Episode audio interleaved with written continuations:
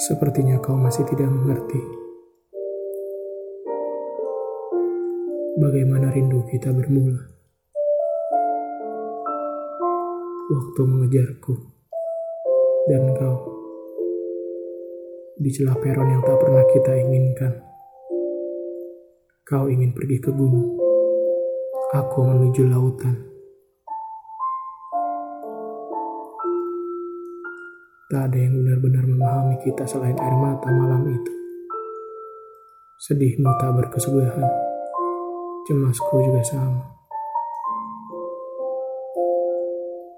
Benarkah? Jika cinta telah merestui kita dari semisal awal, harusnya kita tidak bertemu di celah peron itu.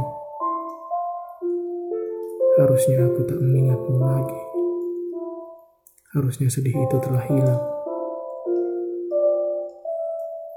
Bersama dengan ombak yang ingin kutemui di lautan. Tapi sepertinya tidak bisa. Rindumu begitu cakap. Dan aku yang tidak seimbang malam itu.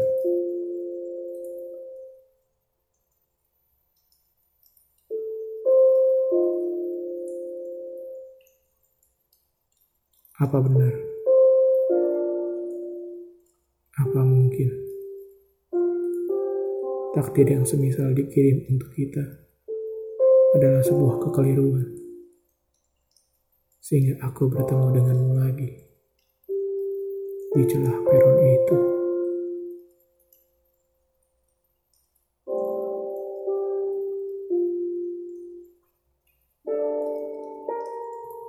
Semisal saja. Semisal saja kita mampu bertatap mata lagi, atau aku ingin menyapamu dan kau menjawabnya.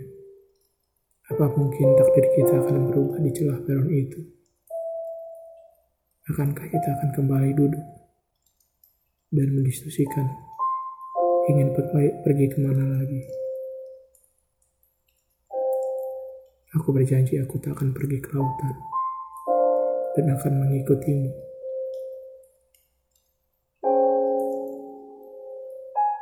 Tapi nyaliku tidak sebesar inginku. Mungkin memang Tuhan telah jadikan jalannya. Atau mungkin aku dan kau yang memutuskan jalannya. Di peron itu, jam setengah lima sore. Kita berpisah lagi. Dan tangis menemaniku menuju lautan, entah denganmu.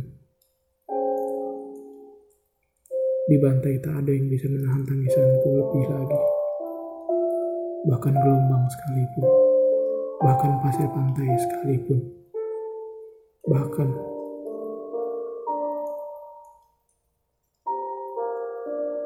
bahkan kau kau yang tak pernah pergi, yang ternyata selama ini hanya kugantikan dengan seseorang yang entah siapa. Tapi di lautan itu kau hadir kembali.